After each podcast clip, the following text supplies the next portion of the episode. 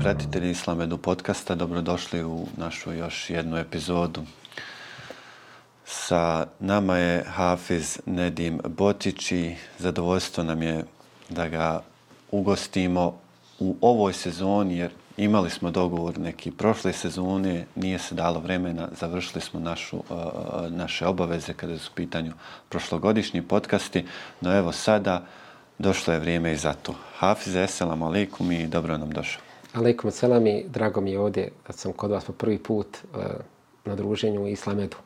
Evo, nadam se da će biti korisno i, i za sve nas. Za sve. I, I ja se također nadam da ćemo danas da do, se dotaknemo nekih tema koji će biti od koristi našim gledateljima. Evo, dosta naših gledatelja u, u stvari tebe, tebe poznaje, slušali su te i ti si uh, dosta otvorio različiti tema u svojim uh, govorima evo, uh, i gostovanjima, bilo gdje da, da si bio i onako to je jedan širok dijapazon i mi smo evo, eh, o čemu da razgovaramo, razmišljali i počet ćemo možda sa rodnim mjestom Bosanska Dubica.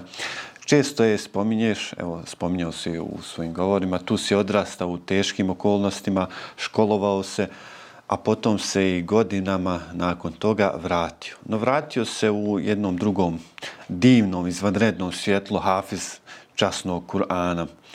Kakav je bio osjećaj vra, na taj način se vratiti u, u, u svoj kraj među ljude koji si, koje si sretao dok, dok te to djetinstvo oblikovalo, o, odnosno mjesto odakle nisi mogao ni nazrijeti ono što jesi danas? predivno pitanje. Jer kad, kad se spomene Bosanska Dubica, to odmah nekako vrati toliko, toliko uspomena kao mjesto gdje si rođen i probao već, većinu života. E, gdje se desite neki najljepši momenti, ali oni posebno e, teški, pogotovo vezano za zdravstveno moje stanje, jer e, to mnogi to znaju da, i, jer nastavim da širim tu svijest o važnosti i očuvanja zdravlja i prevencije same bolesti i o tome koliko je važno kad je osoba iskušana sa zdravstvenim problemom da mi kao zajednica stanemo uz njih, pogotovo tati trebaju ohrabrenja i te neke tople riječi i podrške. Ja sam kao dječak e, obolio od jedne rijetke autoimene bolesti koja se zove morbus kron ili kronova bolest. To je autoimuno oboljenje koje zahvata probavni trakt. Može zahvatiti bilo koji dio od usta do anusa. Meni je zahvatlo debelo crijevo i spadam u tih e, par hiljada, tačno ima nas e, registrovanih preko 2000 e, osoba zvanično sa tim oboljenjem u BiH e, i kroz sam kroz bolest samu sam toliko toga naučio i nisam imao neke ni neke već, veće životne planove e, ono mm -hmm. da mi je neko rekao da će se nekad e,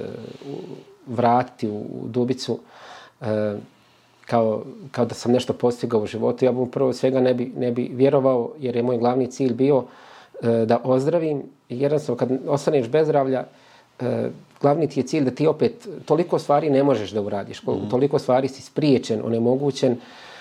Evo recimo konkretno kronova bolest, ona se manifestuje sa problemima sa stomakom, sa krvarenjima, sa izbacivanjem sluzi, sa čestim odlasima u toalet po 10 po 15 puta dnevno, sa temperaturom, e, groznicama, e, onda imamo problem sa tim da kad osoba uzima hranu, ona ne može da absorbuje e, nutritivne, onaj, ne može da absorbuje ni minerale, ni vitamine koji su im potrebni.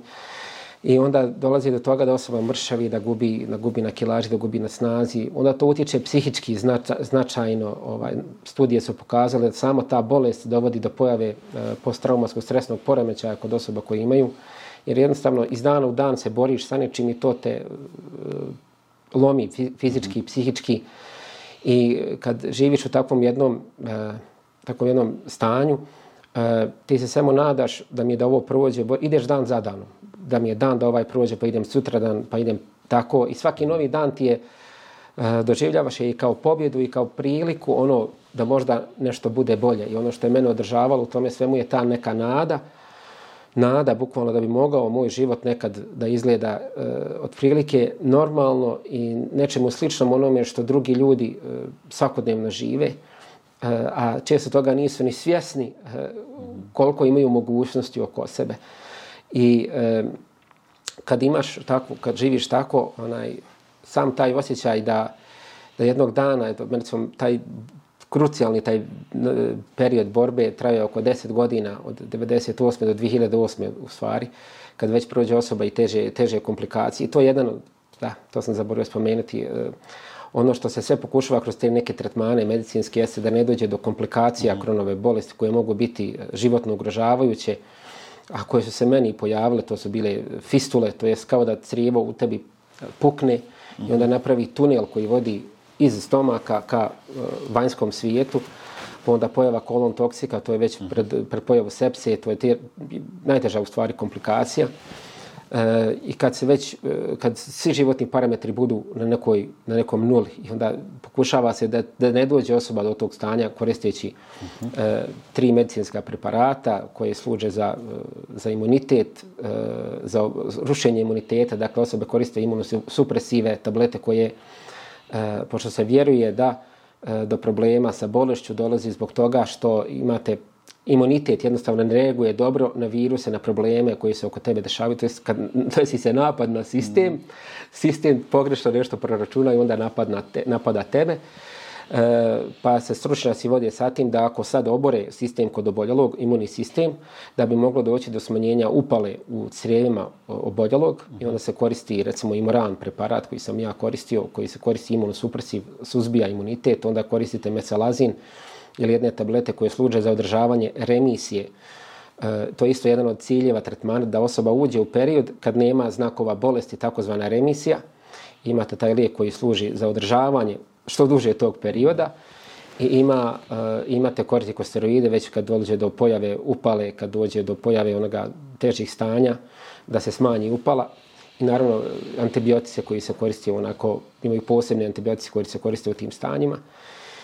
I kad sam se vratio u Bosansku Dubicu, sama ta pojava da ja mogu danas da stojim, da hodam, da pričam, da evo sa vama sjedim, eh, da, da ne moram u toalet, da ne moram razmišljati o nekom grču u stomaku, da ne moram razmišljati šta ću poslije ovoga, da ne razmišljam, ne moram leći, odmoriti odmah poslije i ovoga podcasta. Ovaj, meni, je to, meni je to uspjeh.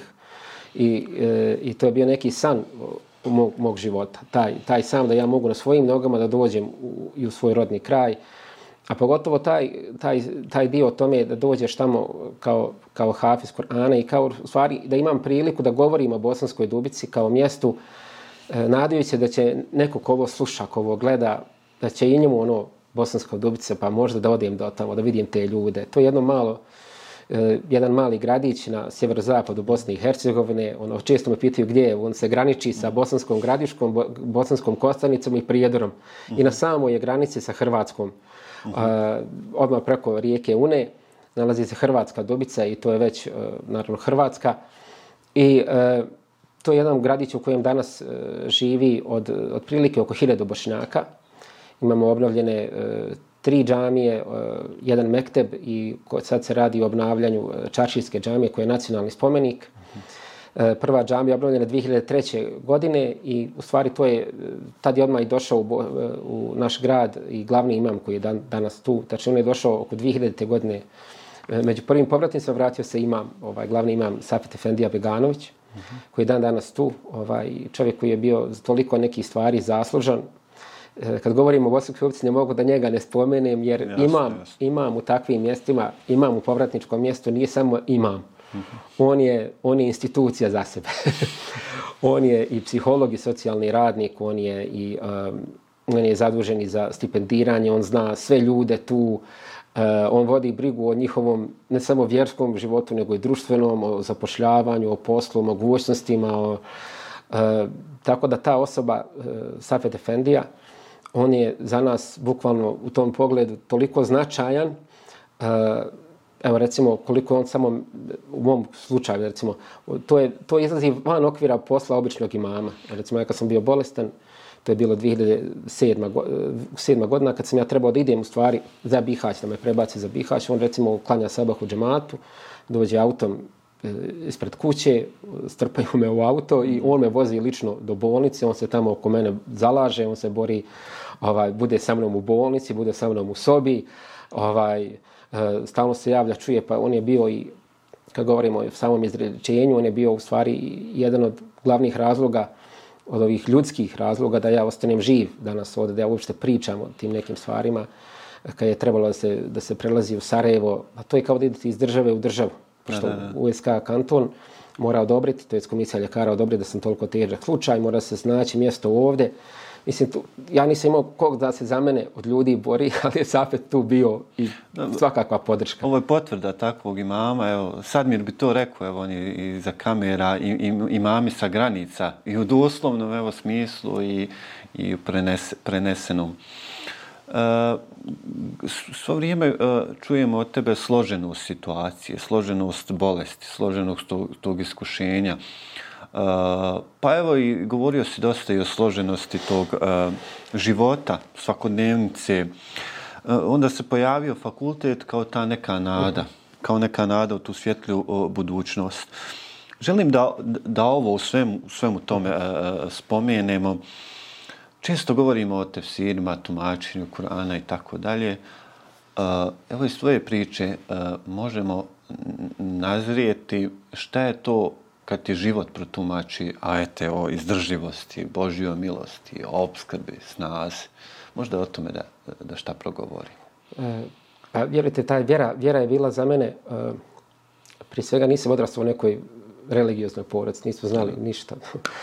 I vjera je za mene ono, uh, kroz odrastanje činila se nešto abstraktno, nešto daleko, nešto kad ostarim, nešto, nešto, u stvari, što nije toliko bitno za moj svakodnevni život, a ja sam imao svakodnevne probleme od uh, siromaštva, bolesti, problema, mm. razno raznih. E, I onda je, uh, da mi je neko rekao da ću ja nekad doći do džavije, prvo svega to bi bilo ono neobično, ono, mm. odakle tu, šta tu. I vjera je za mene bilo prije svega taj neki lični kontakt uh, pri svega susret sa Bogom, e, susret sa e, vjerom, susret sa, e, sa nečim što je meni tada u tim tamnim danima davalo neku nadu i snagu da moj život može biti ići, ići nabolje. Mm -hmm. Koliko god da recimo moje oči ne vide, ali da ipak ima nešto što je možda veće od toga, jače od toga. I da možda to, to iskušenje kao takvo nije to tako da se ti tu patiš, ona, da možda ona ima neki veći smisao, možda ima neku veću poruku, možda te vodi do nečega što ti nisi ni mogao zamisliti uh, da ćeš doći, a da mor, ali da moraš proći, uh, proći kroz njega. I kad se susreo sa, onaj, sa kazivanjima o Jusufu i poslanicima, jer recimo Jusufova priča počinje sa snom.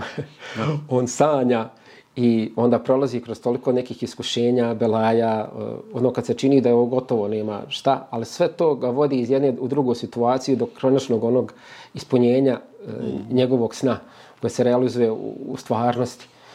I uh, vjera je meni bila, prije svega nisam znao obavljati namaz, I kad sam tamo, ja sam tek oko 2003. stupio, neki, počeo da saznavam o vjeri i mene tada izvor informacija, nema tad interneta, nema, nemaš, uh, nemaš recimo računara, nemaš telefona, nemaš ljudi s kojima mogu plaho pričati o tome u, u mom rodnom gradu. I uh, meni je tad jedan od glavnih izvora informacija bio preporod. Došao bi do preporoda, do broja preporoda i bile su petimo pitanja, rubrika i odgovori, mm -hmm. ne znam, pa onda neki članci iz vjere i meni je to bio glavni izvor infor, tada informacija. I onda što bi nešto sad pročitao, ja bi to pokušao da upamtim i nisam znao obavljati namaz, a sramota me ići sa 20 godina u Mekteb nekako, ne znam kako će ljudi reagovati da ja dođem da se pojavim. Ona jednostavno stid, taj mm -hmm. stid. E, I počeo sam onda da pričam.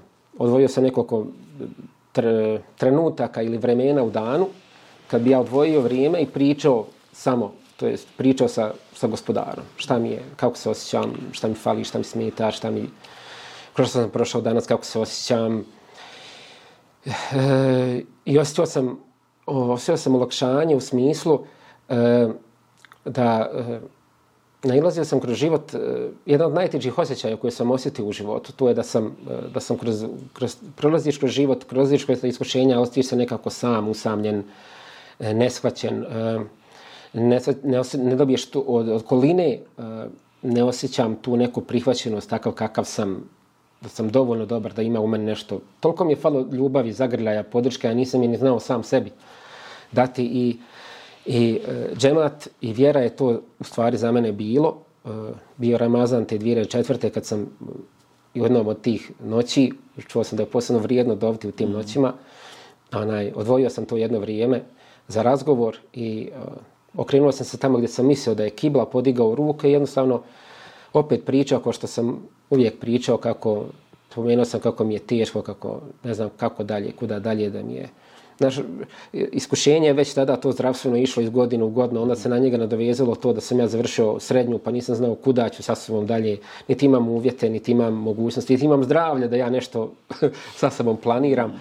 Ovaj, I godine idu, ja gledam, godine idu, stanje se ne poboljšava, ja i dalje bolestan, i dalje u istom mjestu, i dalje u istom, uh, istom stanju, mislim, i dalje u istoj sobici, ovaj, i, i pitan se kuda dalje, šta dalje, uh, jednostavno lomite onda taj iz dana u dan to problem sa stomakom, problem sa, sa tim da ne možeš da jedeš, da te boli, da, da mršaviš, da slabiš, da si uvijek nekakav iscrpljen, bez energije, e, depresivan, sav, ona, jednostavno ne osjećaš se nikako dobro. I onda toga se nakupi insano, nakupi se, nakuplja se, nakuplja se ovaj i, e, i ne vidim da od, ne vidim da od insana mi može doći neka pomoć, ne vidim više, znaš, ne, tamo e, nije ne, siromašna je sredina i vidim da se i ljudi drugi, ono, kako kažu, bore se za život i ne znaju ni oni kuda, sasvom, imaju ljudi svojih svoji problema.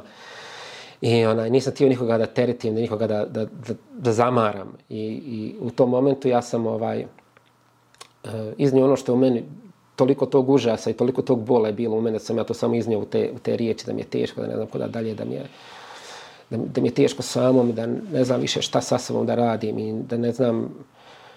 I eh, uh, sutradan u stvari, ja sam se nadao da će me gospodar čuti, nadao sam da će me on čuti, jer, i uh, da će me, da će mi jednostavno uh, dati priliku uh, dati neko olakšanje. Ja ne znam, eto, svojim očima ne vidimo odakle će ono doći. Ja sam sutradan, sutradan je, mama mi je rekla da odnesem vitre u džamiju, meni to bio znak, evo, konačno, evo, konačno, to je taj odgovor na tu dobu da ja dođem do džamije. Ja odem do džamije, ovaj, kucam na vrata, otvara, glavni imam Cafet Efendija u Beganović koji je bio tada u Itikjaf, Mm -hmm. I on, ona, ja njemu onaj, pružam ovaj, vitre, ja njemu, kažem ja njemu Kabul Olsun, kaže over halal Olsun. An, I kažem, ja mogu li doći u džamiju? Kaže, on može, ajde kući, onaj, uzmi abdest. Onaj. Ja sad radim, ne znam, ne znam šta je abdest, odem kući. Onaj. O, ali on, kad sam, sećam se, kad sam ulazio u harem džamije, to je za mene bio toliki korak. Kao da sam iz jednog starog života ušao neki novi. Kao da iz jednog svijeta ulaziš u drugi. Ovaj, samo te ta ograda dijeli u stvari od, od novog životnog početka. Ja stupam, ono, sva me nekakva trema me hvata, šta me čeka tu, šta me tu čeka. I odem kući, ovaj, saperem se, dođem do džamije, ovaj, i uh, sjećam se da sam sjeo u dno, bila je džuma, sjeo sam u dno džamije i ne znam ono, ništa, ne znam ništa, ne znam ni sjesti čak u džamiji, kako se sjedi, ne znam kako se ono, i samo mi je to, ali sam to šaputao i samo mi je to bilo u mislima, onaj, evo mene moj Allahu, ja, ja tebi došao, ja tebi došao. I ja to, spominjao sam to da mi je to najsretniji moment života, jer nisam znao koliko će mi se stvari promijeniti. Ovaj, I tu u tom džematu, uh, ja sam po prvi put nakon toliko godina, uh, to je tako divan osjećaj, to, to, ta, to je ta ljepota džemata koji se ne može objasniti, recimo, kao osoba koja je većinu života, i sada većinu života provela tamo negdje daleko, ja znam, ono, ljudi se i dan danas žali kako je teško naći prave prijatelje, iskreno prijateljstvo, nekoga da je tu za tobom, da znaš da je bez mm. interesa, da je sa tobom neko ko da je ono pravi prijatelj, prava ljubav i tako dalje. A onda u džami, u stvari u džematu, ne znam koliko smo mi svjesni da ti to dobijaš ovaj, nekako automatski, nekako da se spojite tu uh, i da budete jedni u druge, da se podržavate, pomažete, a bez ikakvog ono donjalučkog uh, interesa. To je nešto što je, što je fascinantno, nešto što čovjek, ljudi traže da li bi sve da imaju. Mm. Ti nekako to nađeš tu i ja sam došao u džami i pitao se ono kako će te ljudi mene dočekat, ko sam ja, šta sam ja. Ja sam o sebi smislio sve najgore i da sam ovakav, da sam onakav, da nema od mene ništa. I onda tu dođeš i vidiš da se ljudi tebi osmijehnu, da se oni raduju što si ti došao, da su oni tačnije obradovali se što je došao neki, neko. I, a, i o, taj osjećaj da ja više nisam bio sam. Pomijenio sam da je to kad, jedan od najtežih osjećaja koje sam osjetio taj sam. Ta samoća, posle dolaska u džamiju, ona je prestala da postoji. Dakle, Nedim više nikad nije bio sam. Ja sam i dalje imao iskušenje, i sam, imao, i dalje sam bio bolestan, i dalje sam imao problem, ali nisi sam. Imaš nekoga ko te sasluša, imaš nekoga ko te podržava, imaš nekoga ko te upita. Ja sam jedva čekao da odem opet na namaz. Da te ljude vidi. E, da ja te ljude poselam, da, ja, mi, da se mi rukujemo, da mene onaj, da se upitamo kako smo, šta smo, da sjednemo na kafu, na čaj. Dakle, taj odnos tamo i, i tog imama i tih džematlija, to nije e, ono, pod navodnicima standardan uh, uh -huh. odnos u onom smislu ti obaviš namazi kućima. To je u stvari više od toga. Ljudi idu tamo zajedno na kafe, ima sad Efendija je uveo običaj kahva petkom, uh -huh. i pogotovo kad, dakle, ljudi idu iz džamata, obavimo namaz, uh, onaj, spomenimo gospodara, i onda odemo zajedno da nastavak druženja. Spontano. Jeste. Ja, to je to. Jeste, posle namaza i prije namaza i onda kad treba nešto raditi, uh -huh dakle, taj jedan osjećaj zajedništva, jednog, jednog, jedne cijeline, jer mi smo vidjeli jako nas je malo tamo uh -huh i onda ljudi što ima, oni se gledaju da se, da se paze. I taj osjećaj da sam ja sad, ono, konačno, ono, osjećaš se prihvaćeno, voljeno i da može od tebe na jedime uh, e, biti nešto. Ja se sjećam, recimo, 2005. E, tad sam prvi put vidio Hafiza. Bili nam je neki Hafiz mladi u posjeti Dubici. Ja sam prvi put vidio u stvari Hafiz kako to izgleda. I ono, džemac se skupio, svi se ljudi, ono... I sjećam se da jedan hađija, Mirsad, u stvari on je mene zagrlio, e, ima tamo mocafirska soba e, i taj, e, taj mladić je tu sjedio. I onda kad je on otišao, taj mene hađija zagrlio i, ovaj, i pokaže meni to mjesto gdje je taj mladić sjedio. Tak, tako su ljudi imali vjeru u stvari da, da od mene nešto može biti. Znaš, i on je mene zagrlio i ako pokaz, pokazivao to mjesto gdje, taj, gdje on sjedio i kaže ti ćeš nama ovdje jednog dana ovaj, sjediti ko hafiz. Ja, ja razmišljam o mir sade kakav ja čovječ, ja ne znam abecedu, već ja, hm. znaš, mislim, to je, to, to je ista džamija u koju sam prvi put ušao, I to je ta džamija u kojoj se obavio, kako sam obavio, obavio po prvi put sve te namaze. I to je ta u stvari džamija gdje sam ja i dobio tu diplomu Hafiza. To je ta džamija u kojoj sam se ja vratio kasnije, što što si ti, eh, Hasan... Cikličnost neka. Jeste. I, I da u stvari... I onda sam ja posjetio se tih ljud, te ljude na to što su o mene govorili. Koliko su oni vjerovali u tog Nedima. U tog, ono, ja u sebe nisam imao nikakvu vjeru. Da im ništa može biti.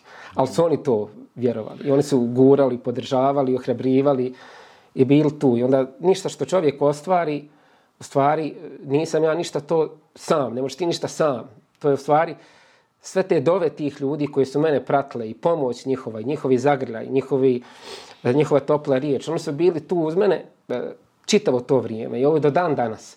I onda ja u stvari gdje god da spomenem, odem ovaj, ja spomenem njih. Jer to je najmanje što ja Evo i sad. mogu raditi za njih. Stvari, da ostane ono zapisano, da ja nisam to zaboravio. Upravo to. Uh, možda bi te pitao kako prenositi značaj takvog iskustva jeli, u, u svijetu matematike, računice, statistike, no uh, preskačem to zato što Evo ti, ti pokazuješ kako prenosi se značaj takvog iskustva uh, vjere, slijedženja din islama, svega onog što je spontano, uh, dakle, življenja te religije, ali na tragu ovoga što si posljednje uh, kazao i, i uh, vjera, vjerovanje, pomoć drugih, podrška, šta je zahvalnost Hafize, evo, zahvalnost Bogu, uh -huh. drugim ljudima, kako osvijestiti evo, kako osvijestiti tu, tu, tu potrebu jel, da zahvalimo Bogu u kojem smo ovisni, ali evo i da čuvamo sjećanje na ljude koji nam je Bog poslao u, u naš život. E, opet, moram reći, ovaj, pitanja koja si, koja si postavio, stvarno su uh, prelijepa, mašala. Ovaj, Hvala ti. Jako su koriste u stvari na tragu sa onoga o čemu i naj, ponajviše volim da pričam, a to je ta neka zahvalnost da ljudima skrenem pažnju na neke stvari. Uh, jer sam vidio po sebi uh, od toga što ne imaš, već do toga šta, kori, šta radiš sa onim što imaš. Uh -huh.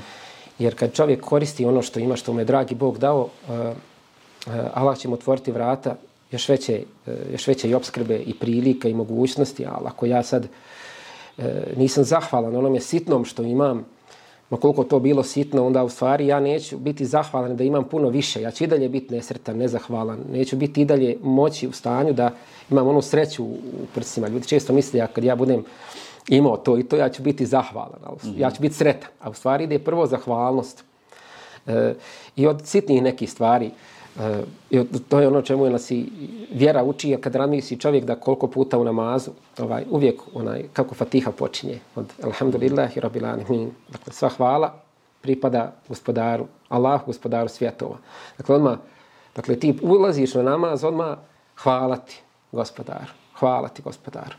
I onda kad se dižeš sa rukua, ono, čuje Allah onoga koga hvali. Hvala ti gospodaru. I onaj, ti upravo budimo se istina, alhamdulillah, illazi ahjana bade ma matena ve lehi nešur. Dakle, hvala onom, hvala onom koji je mene oživio nakon što me bio u smrti. Mm -hmm. I njemu ćemo se mi, njemu ćemo se mi vratiti. Posle, posle svakog jela uh, i pila, ono mi, kažem, ima hadis da je Allah zadovoljno sa čovjekom koji kaže, koji se zahvali nakon što pojede ili popije nešto. U stvari, mm -hmm. mi pojedemo i popijemo, ali koliko si ti zaista osvijestio da je veliko to što si ti popio i pojao. Da koliko, koliko u stvari si sretan što te ne boli kad pojedeš i popiješ. Ja recimo, e, spominjem to iskustvo kad, e, kad sam sanjao da možeš da popiješ e, nešto i da pojedim, a da me ne boli. To je, to je jedan san bio zaista.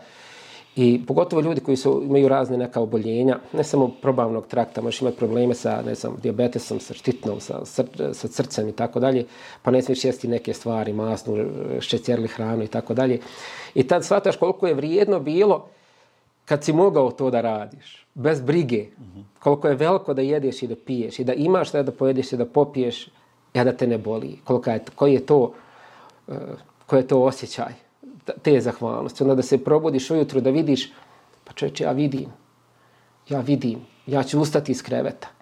Koliko ljudi danas nije ustalo iz kreveta. Ja sam danas u svojoj kući, u miru, u sigurnost, koliko ljudi u ratnim zonama, koliko ljudi je u bolnici večeras, koliko ljudi uh, E, sad u nekim je brigama u Behutu. Ja imam da pojedim, da pojedim koliko ljudi to nema. Ja sam, ja mogu da hodam, ja mogu da dođem do džamije, koliko ljudi nema tu mogućnost. Imam ljude koji me vole, koliko ljudi to nema. Ja imam recimo dijete, koliko ljudi to nema. Ja imam e, posao, koliko ljudi to nema. Ja imam nešto ovaj koji, e, što drugi nemaju, a i oni imaju nešto što ja nemam. Ali onda se to upotpunjuje, to jest ne da ti to držiš za sebe, već da ta zahvalnost tebe natjera da ja, he, ode ja da učinim s ovim što mi je gospodar dao, da učinim dobro drugima. Mm -hmm. Ako je on meni dao nešto, recimo znanja, da ja to podijelim s drugima. Ako mi je dao nešto i metka, da ja to podijelim s drugima. I onda i u toj sreći uh, koju ti učiniš drugima, ti nađeš sreću svoju. I kad ti u stvari, uh, kad ti pomogneš drugog, gospodar tebe pomogne. Kad ti se smiluješ od svakom stvorenju, gospodar se tebi smili. I, I to je onaj jedan e, ciklični put stalne zahvalnosti, stalne neke sreće i pogotovo recimo naučnici su, e, imate toliko studija o tome uticaju zahvalnosti na mentalno zdravlje, na fizičko zdravlje, na tome koliko u stvari zahvalnost reprogramira naš mozak da jednostavno drugčije gledaš svijet, ljepše se osjećaš, osjećaš se zahvalnije, osjećaš se bolje, a i tijelo bolje, bolje reaguje na samu zahvalnost. I pokaže poslanik Ali Selam da onaj ko nije zahvalan ljudima nije zahvalan ni Allahu. Jer ko nije zahvalan u stvari ni na malo neće biti zahvalan ni na, ni na puno. I kad ti osvijestiš na tome e, koliko ljudi, e, kad si ti zahvalan njemu, pokažeš mu hvala ti, brate, e, volim te Malaha Đalešanuhu, kad ti njemu učiniš to dobro, e, kaže poslanik Ali Selam da se čovjek treba zahvaliti -hmm. onome kojemu učini dobro, pa dakle ako nemaš čim, ona dovom. Dakle, da doviš da mu Allah otvori vrata dobra i napake i oprosta i svega. I ta zahvalnost insana, evo recimo, da čovjek bude zahvalan što ima priliku da bude ovde e, dio podcasta Islamedu i da bude, e, da, što ima priliku da gleda Islamedu. Jer kad zahvalnost te natjera da ti razmisliš koliki je trud iza onoga što ti možeš uzmati zdravo za gotovo. Koliki trud treba da se ovo osmisli, koliko treba trud da se ovo stavi na mreže, koliko i treba trud da se snimi, obradi, da se dođe, da se pripremi. Ovaj. I onda ti to dobiješ e, servirano u stvari. A zahvalnost te natjera da ti shvatiš koliko je to veliko što si ti dobio po davanjicama Vraćamo se na svijest. Ono, Jeste, svijest. Svijest koju evo, i Kur'an toliko uh, potencira. Evo želim da zadržim kod Kur'ana i tvoga druženja sa Kur'anom. Možda uh, malo manje uh, s akcentom na hivs, ali evo, ukupno, općenito, druženje sa Kur'anom. Uh, Kur'anu ne dim ovom životu evo, uh, snaga, hivs kao potvrda upornosti, ljubav, uh -huh. lijek, uputa, svijest o Bogu. Možda da o tome uh, kratko uh, evo, da, da nešto kažem. Pa, Kur'an uh, je bila knjiga koja je uh, onako, E, od kad sam se od mog povratka vjeri, Kur'an je bilo prvo nešto s čim sam se uh, susreo. E, nisam ga tada dovoljno ne razumijevao. Pogotovo Kur'an je drugčija, drugačija knjiga od ovih naših standardnih. Imaš prvo poglavlje, drugo poglavlje, pa se nekako razvija radnja, ideš iz jednog poglavlja u drugo i tako dalje. A Kur'an nekako ono, ostavite bez teksta, iznenadite jer je drugačiji. Drugačiji je stilom, drugačiji je riječima, drugačiji je onim primjerima i ono, druga, i jednom je, je, je, smjenom tema e, ide od ove teme na drugu temu, pa se to povezuje i kao da je svaka ona, svaka ona sura, kao da je priča za sebe. I onda to u stvari, e, e, nisam u stvari shvatao iz početka e, šta je i znao sam da je to do mog neznanja. do mog neznanja, do toga ja, da ja nisam naučio neke stvari, nisam razumio neke stvari i nisam pristupio e, na pravi način. Tek onda kasnije kako čovjek uči, kako dođe i do kontakta, recimo, ovaj, e, na fakultetu, imali smo e, profesora Hajrudina Hođića, to je bio moj prvi muhafiz, čovjek kojim sam ja, pre kojim sam ja učio i teđvid i e, popravljao sufaru i svašta nešto. Taj čovjek je isto bio više od profesora Hajrudina Hođića, sad je on dekan IPF-a. On je bio više od profesora. Dakle, on je bio prijatelj, on je bio mentor, on je bio savjetnik. Dakle, ti si imao kod njega vrata otvorena uvijek. Dakle, mogao si doći i na savjete, ne samo i ne samo za savjete, i za pomoć, i za šta god je trebalo, od, eh, in vezano za fakultet, vezano za život. Eh, dakle, to je bio više od, od odnosa onoga klasičnog učenik, učenik profesor. I onda od njega si počeo da učiš eh, šta je Kur'an, da poštuješ Kur'an, kako da se odnosiš prema Kur'anu. A moj, ovaj, kasnije kad sam doselio u Sarajevo, Muhafiz je bio ovaj, profesor, profesor doktor Dževad Hrvačić. I to je čovjek pred kojim učiš, u stvari, baš se odgajaš od odgovornosti, od temeljitosti, od toga kako pristupati Koran, kako cijeniti Kur'an, kako... Ovaj, I eh, onda ponavno, naravno, uh, hifz je više od uh, samog učenja memorisanja. Dakle, hifz je put odgoja. Dakle, taj tvoj muhafiz, on u stvari tebe kroz, kroz druženje sa njim i sa drugim učenicima, ti se odgajaš na način da mijenjaš se e, tebe bude i stid nekad učiti, ne znam, pa onda susret sa greškama. To je meni bio posebno težak kako se prelomiti sa tim greškama, kako, zašto uvijek griješim, zašto, zašto je Koran lako zaboraviti, zašto ne mogu sad ono jednom proučiš i gotovo je, zašto, a onda u stvari vidiš da ti, potrebno je da imaš greške i da je dobro da griješiš što više griješiš, što više griješiš, ti ćeš više ponavljati, što više ponavljaš, ti ćeš imati više nagrade za ponavljanje, ali ćeš i više se uvježbati. I svaćeš da pad, dakle, kroz hips, dakle, pad nije kraj. Dakle, ti možeš podići, jer greška je sastavni dio života, svako će pogriješiti, ali kroz hips naučiš da ti se podigneš i nastaviš dalje. I da opet pokušaš. I da opet pokušaš. I kad, kad, kad tad ćeš uspjeti ono, i onda ideš dalje, ideš na novu lekciju. Ide. I, uh, da, da jednostavno savladaš tu tremu od toga da pogriješiš, da te bude stid, ovaj, da to nešto, nešto u redu i da ne odustaješ kasnije u životu od nekih stvari, ne znam, otićeš na neki projekat, pa vidiš da ne ide i onda se sjetiš hivsa, aha, pa to je bilo kao kad sam učio ajet, ne znam, ponavljao sam ga toliko puta, ne ide, mislio sam da nikad neću naučiti, a vidiš da je moglo, pa hajde opet pokušati, hajde opet pokušati, hajde opet pokušati. I uh, Kur'an sam počeo da povezujem sa svojim životom na način da sam u stvari razmišljao I to ima jedna knjiga predivna, The, the Way to the Quran, od mm. Kurama Murada. Tu knjigu kad sam pročitao, to mi je bilo ono, wow. On govori kako u stvari ashabi su dobili knjigu koju smo mi dobili i ove generacije posle njih dobili knjigu koju mi imamo, ali zašto je recimo ostavio traga njima, na njihovim srcima, a, mi imamo danas problem. I onda on daje neke praktične savjete.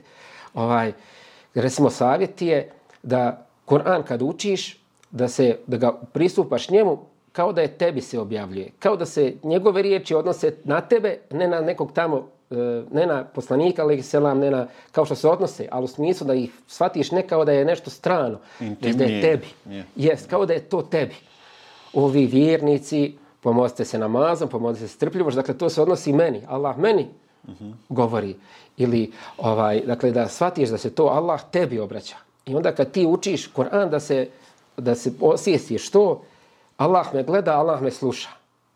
Dakle, ja nisam zaboravljen, ja nisam tamo negdje odsutan. Dakle, ovo je knjiga kad ja učim, dakle, učim riječi gospodara svjetova i on me gleda, on me sluša.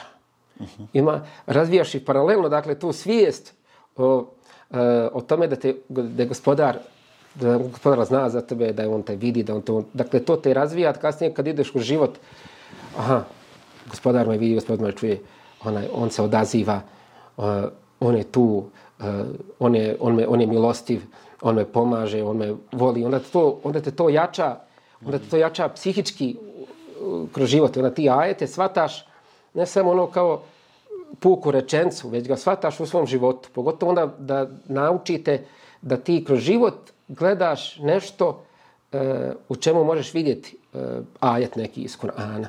E, da možeš vidjeti ono kad ti Allah kaže neke stvari, da ti nađeš ih oko sebe, nađeš ih u svom životu. Recimo kad čitaš o poslanicima, da probaš da se zamisliš gdje se ja nalazim u odnosu na ovo. Recimo kad govori se, ima posebno meni jedna draga stranca tamo iz Sure Anbiya, pa kad Allah nabraja one poslanike rijedom jednim za drugim, pa ima Ejube iznada Rabbehu, gdje Ejuba kad je pozvao svog gospodara, enni meseni je dur, vente rahamu rahimi. Dakle, mene je, zades, mene je dotakla u stvari nedaća, a ti si od milostivih najmilostiviji.